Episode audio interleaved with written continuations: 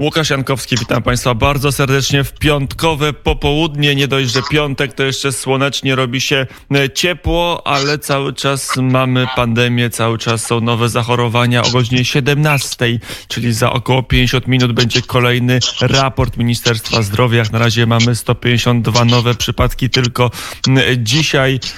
To mniej niż bywało kilka tygodni temu, ale dalej sporo, więc teraz trzeba mieć naprawdę silne, e, silną wolę i też nerwy, aby nie skorzystać z słonecznego weekendu, a ten weekend zapowiada się całkiem, całkiem nieźle. Jutro ma być 20 stopni, w niedzielę też ma nie padać deszcz od wolno na niedzielę i ma być też ciepło, a tu trzeba utrzymywać dystans społeczny. 16.10, witam Państwa bardzo serdecznie w popołudniu wnet. W pierwszej godzinie dużo polityki, a w drugiej godzinie e, zawitają do naszego wirtualnego studia publicyści, bo my cały czas działamy w warunkach pandemii pandemicznych. Ja siedzę sobie w domu przed mikrofonem, a moi rozmówcy e, przy telefonach w swoich miejscach pracy e, albo zamieszkania. E, pierwszym gościem pani wiceminister rozwoju Olga Semeniuk. Dzień dobry pani minister. Dzień dobry panie redaktorze, witam wszystkich Nie, państwa. To zacznijmy od tej branży beauty, bo ja już ustaliliśmy przed rozmową, że ja jako osoba mało dbająca o swój wygląd, bo i nie jest specjalnie o co dbać, u fryzjera rzadko się pojawiałem, ale podobno są osoby, które bez fryzjera czy kosmetyczki żyć nie mogą i się dopytują, kiedy w końcu będą czynni fryzjerzy, kiedy będzie czynna e, cała sfera beauty. Tak, panie redaktorze, to słuszna uwaga. Faktycznie są to bardzo pożądane branże. Branża e, fry, znaczy fryzjerstwo i kosmetologia to są właśnie kierunki dzisiejszych naszych e, konsultacji jako Ministerstwa Rozwoju. E, Ministerstwo Rozwoju jest odpowiedzialne za przygotowanie poszczególnych wytycznych, protokołów dla wszystkich branż, które funkcjonują w gospodarce, w konsultacjach z GIS-em i oczywiście w konsultacjach międzynarodowych, międzyresortowych. Dlatego właśnie dzisiaj takie konsultacje odbyliśmy już po raz drugi zresztą e, z kosmetyczkami, z fryzjerami. Konsultacje były bardzo owocne. Mogę powiedzieć, że w najbliższy poniedziałek e, kończymy przygotowanie tych zaleceń i tych protokołów. Mam nadzieję, że jak najszybciej oczywiście ta branża zostanie uruchomiona, e, ale również konsultujemy tutaj możliwość umieszczenia tych zaleceń nieco wcześniej niż sama informacja o odmrożeniu, tak aby właśnie ta branża, te gałęzie gospodarcze mogły się do tego przygotować i sukcesywnie w ślad za nimi również przygotowujemy szereg innych e, takich wytycznych protokołów bezpieczeństwa w trzech obszarach. Po pierwsze zabezpieczenie miejsc pracy, po drugie zabezpieczenie e, pracowników i klientów, a po trzecie protokół e, działań związany z ewentualnym potencjalnym pozytywnym zdiagnozowaniem koronawirusa wśród pracowników lub klientów. Także tutaj w tych trzech modułach przygotowujemy te zalecenia. To jest bardzo żmudna praca. O tym również mówiła wczoraj pani premier Jadwiga Emilewicz w gościu wiadomości, że jako resort jesteśmy odpowiedzialni za to, żeby to scalić i jak najszybciej gospodarkę do tego przygotować. Oczywiście o terminach konkretnych nie mogę nic powiedzieć, bo to jest uzależnione od decyzji e, i stanu epidemicznego w kraju i decyzji pana ministra Szumowskiego i pana premiera Mateusza Morawieckiego, ale codziennie na sztabach kryzysowych o tym e, rozmawiamy, ewaluacja jest prowadzona, więc mam nadzieję, że najszybciej jak się da e, będzie to uruchomione faktycznie wiele kobiet, ale też wielu mężczyzn zgłasza ten postulat, że dobrze by było, gdyby ta branża została już e, uruchomiona. Ja co prawda jestem słabym klientem tej branży, raczej takim znienawidzonym, ale mam znajomych i mężczyzn, i kobiety, bo teraz często mężczyźni też nie tylko do fryzjerów czy barberów, ale nawet do kosmetyczek zaglądają. I takiego jeden z moich znajomych takiego przysłał mi SMS-a. Nasza klinika, e, wracamy do pracy, nasza klinika jest znowu otwarta w sytuacjach, kiedy szczególnie potrzebujesz naszej pomocy lub konsultacji. W pierwszym etapie na zabiegi e, zaprasza taka, taka pani doktor kosmetologii. To jak to jest? To już część zakładów może się otwierać, czy jeszcze nie mogą, bo pewnie nie tylko jeden z moich kolegów takiego SMS-a dostał.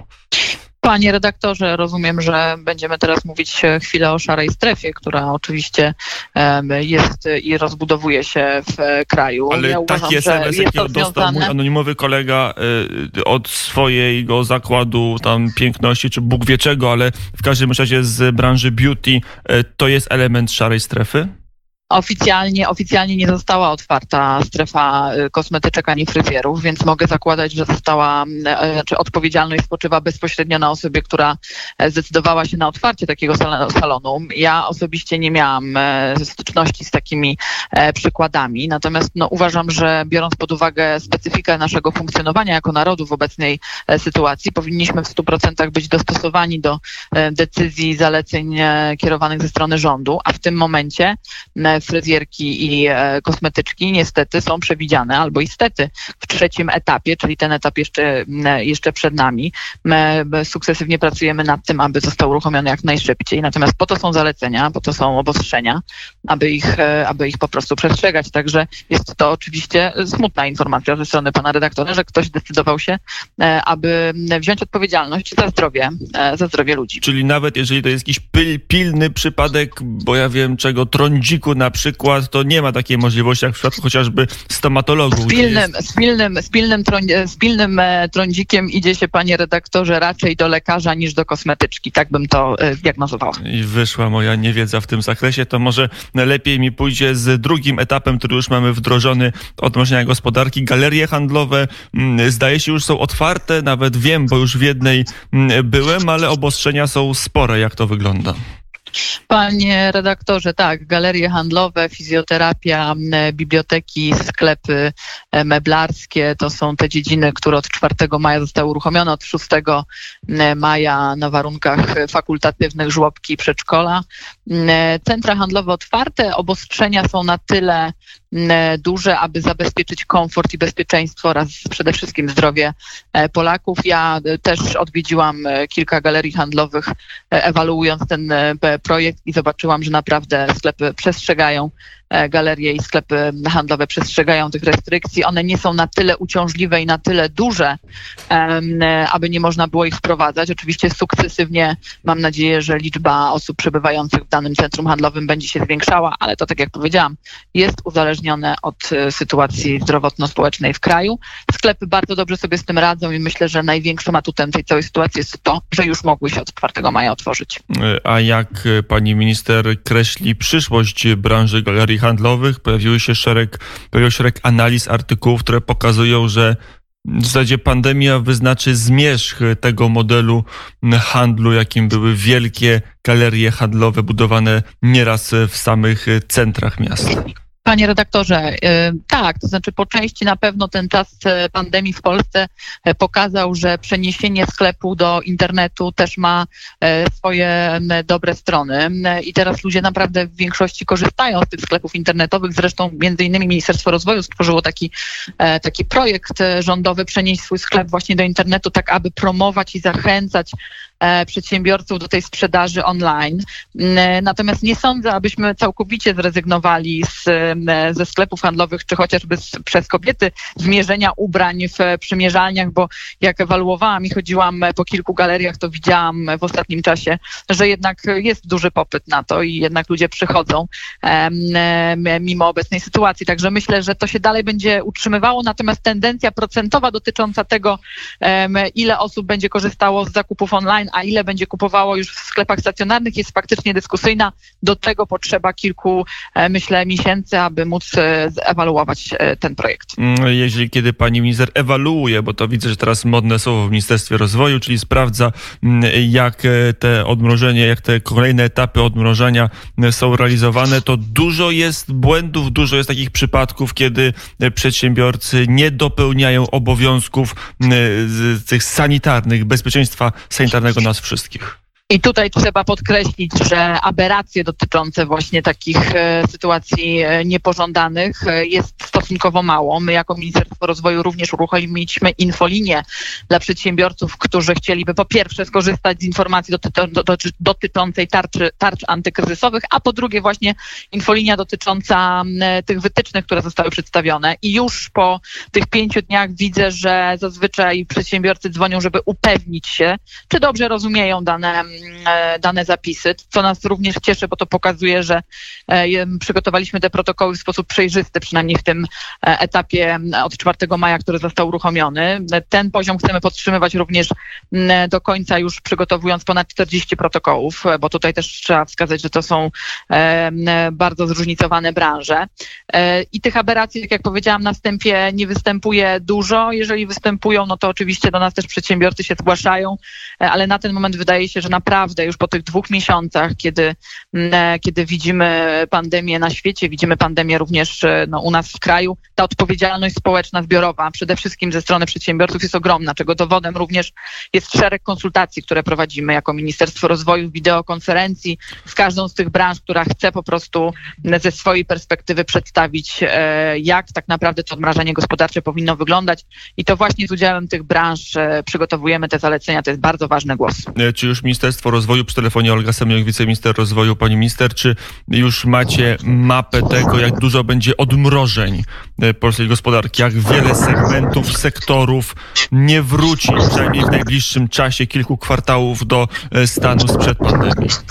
Panie redaktorze, niewątpliwie takim działem, o, o, którym myślimy, z którym się spotykamy również od samego początku i dla którego przygotowujemy pakiety rozwiązań, jest to turystyka.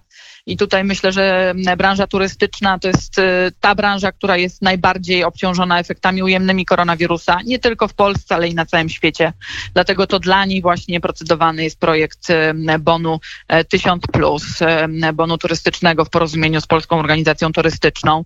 E, to również była pierwsza branża, z którą się spotkaliśmy e, i tak naprawdę to z nimi prowadzimy negocjacje dotyczące tego, jakie jeszcze ewentualnie potencjalnie narzędzia moglibyśmy im zaproponować oprócz tych już powszechnych, istniejących w poszczególnych tarczach do tego, aby mogli funkcjonować.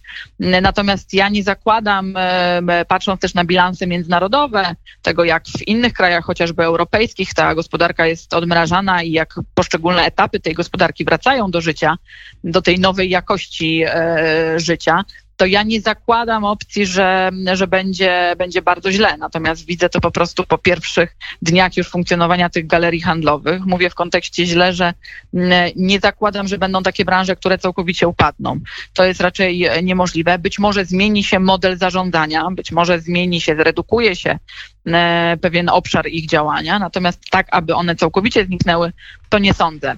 Na pewno branża e, turystyczna i po części oczywiście również e, branża gastronomiczna, bo tutaj mamy też w procesie są konsultacje dotyczące opłat za, za najm lokali, za najem lokali, za, za czynsz. Tutaj to są też bardzo ważne negocjacje, które prowadzimy i Ministerstwo Rozwoju stara się ukierunkowywać również na dobre tory te najbliższe miesiące, tak aby odciążyć też e, przedsiębiorców. Ja chciałam też powiedzieć, że mm, a propos tarcz antykryzysowych, że mamy już ponad 3 miliony przedsiębiorstw, które skorzystały z poszczególnych narzędzi, to pokazuje, że to są 3 miliony miejsc pracy.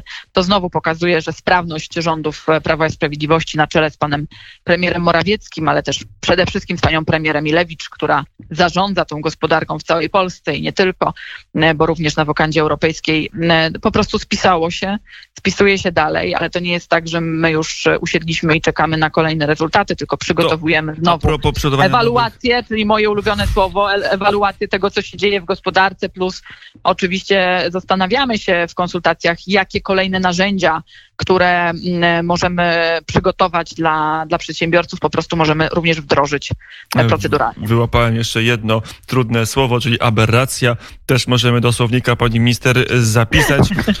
E, pani minister, to co do pracy, dalej ten bon turystyczny mnie interesuje. Jak to miałoby wyglądać? To rzeczywiście miała być jakby, jakby powszechna dotacja dla wszystkich Polaków, czy, czy jakby to miało wyglądać? Nad e, samym modułem i koncepcją tego e, pracuje u nas w resorcie pan minister Gut Mostowy razem ze swoim zespołem, jak i z, Polską Organizacją Turystyczną. Natomiast też musimy wziąć pod uwagę jeden aspekt związany z tym bonem turystycznym, to znaczy um, um, tak naprawdę wzbogacanie i promocja produktów polskich, polskich usług i też polskich podróży wewnątrz kraju. To jest bardzo ważne, abyśmy tę turystykę mogli odbudować, bo to będzie ten pierwszy etap, e, kiedy już e, te takie obostrzenia, czy raczej wyhamujemy ten e, proces pani się koronawirusa. Czy pani minister wie, że to będzie powszechne, tak jakiś forma dochodu podstawowego, że każdy Polak dostanie bon wartości 1000 zł, żeby... Nie, panie redaktorze, nie, tak nie to, na, to, na, to pytanie, na to pytanie nie chciałabym odpowiadać. Na pewno będzie on upowszechniony, natomiast czy będzie powszechny, e, to to jest jeszcze do konsultacji. To była jedna kwestia i teraz to już ostatnia, ostatnia kwestia. Strajk przedsiębiorców miał wystartować o godzinie 16 na warszawskiej patelni, czyli przed metrom e, centrum. Ja nie wiem, czy on wystartował, bo w tej chwili e, z panią minister rozmawiając nie mam podglądu, ale wczoraj było poważne zamieszanie przed e, KPRM-em. W trendach na Twitterze, czyli w jednym z głównych mediów społecznościowych polskiej polityki, ten temat dominuje. Hashtag strajk przedsiębiorców jest na pierwszym miejscu. O co chodzi? O co chodzi panu Tanajno? To są prawdziwi przedsiębiorcy, nieprawdziwi? Jak ministerstwo to ocenia? Panie redaktorze, pan Tanajno jest jednym z kandydatów na prezydenta, jest w toku robienia swojej kampanii. Jednym z elementów tej kampanii wydaje się robienie w sposób niebezpieczny i e, źle zorganizowany przede wszystkim, ale przede wszystkim niebezpieczny takiego zgromadzenia, które miało miejsce wczoraj. Ja akurat przyjeżdżałam, miałam tę okazję, że przyjeżdżałam koło tego zgromadzenia. Pan Tanajno po prostu postanowił poświęcić e, zdrowie i nie przestrzegać zaleceń e, rządowych na poczet swojej kampanii. Ja chciałabym poznać listę firm, e, które wzięły udział we wczorajszym spotkaniu. Chętnie i tutaj deklaruję ze swojej strony, jeżeli, e, jeżeli taką listę przedsiębiorców od pana Tanajno, bym, pana kandydata Tanajno bym otrzymała, chętnie bym zorganizowała wideokonferencję z tymi przedsiębiorcami, zapytała się o co konkretnie im chodzi, czego oczekują, bo chciałam podkreślić, że w debacie prezydenckiej pan Tanajno bardzo szeroko mówił, że za wszystko jest odpowiedzialny rząd Prawa i Sprawiedliwości i pan e, niestety został oczerniony pan prezydent Andrzej Duda w sposób niewłaściwy przez pana Tanajno, ale jeżeli chodzi o konkrety związane z tą gospodarką, o co konkretnie e, chodzi przedsiębiorcom, którzy brali udział we wczorajszym spotkaniu, no to te postulaty w ogóle nie padły. Więc ja tutaj na antenie deklaruję ze swojej strony, że jak już pan kandydat Tanajno zakończy swoją kampanię i będzie chciał merytorycznie do tego tematu podejść, to ja będę tym wiceministrem, który oczywiście zajmie się organizacją takiego spotkania. Pani minister, Ministerstwo Rozwoju nie rozpatruje tych protestów jako realnego głosu w debacie publicznej, tylko jako sprawę czysto polityczną. Z mojej strony absolutnie tak, gdyż ci przedsiębiorcy nie zgłosili się do nas bezpośrednio, a proszę mi uwierzyć, że mamy zarówno skrzynkę mailową, jak i e, infolinię telefoniczną, ale też jesteśmy codziennie w toku różnego rodzaju wideokonferencji, więc na pewno ten głos dość mocny z tego, co mówił pan kandydat Stanajno, przebiłby się do ministerstwa. Powiedziała Olga Semeniuk, wiceminister rozwoju. Dziękuję bardzo pani minister za rozmowę. Dziękuję bardzo.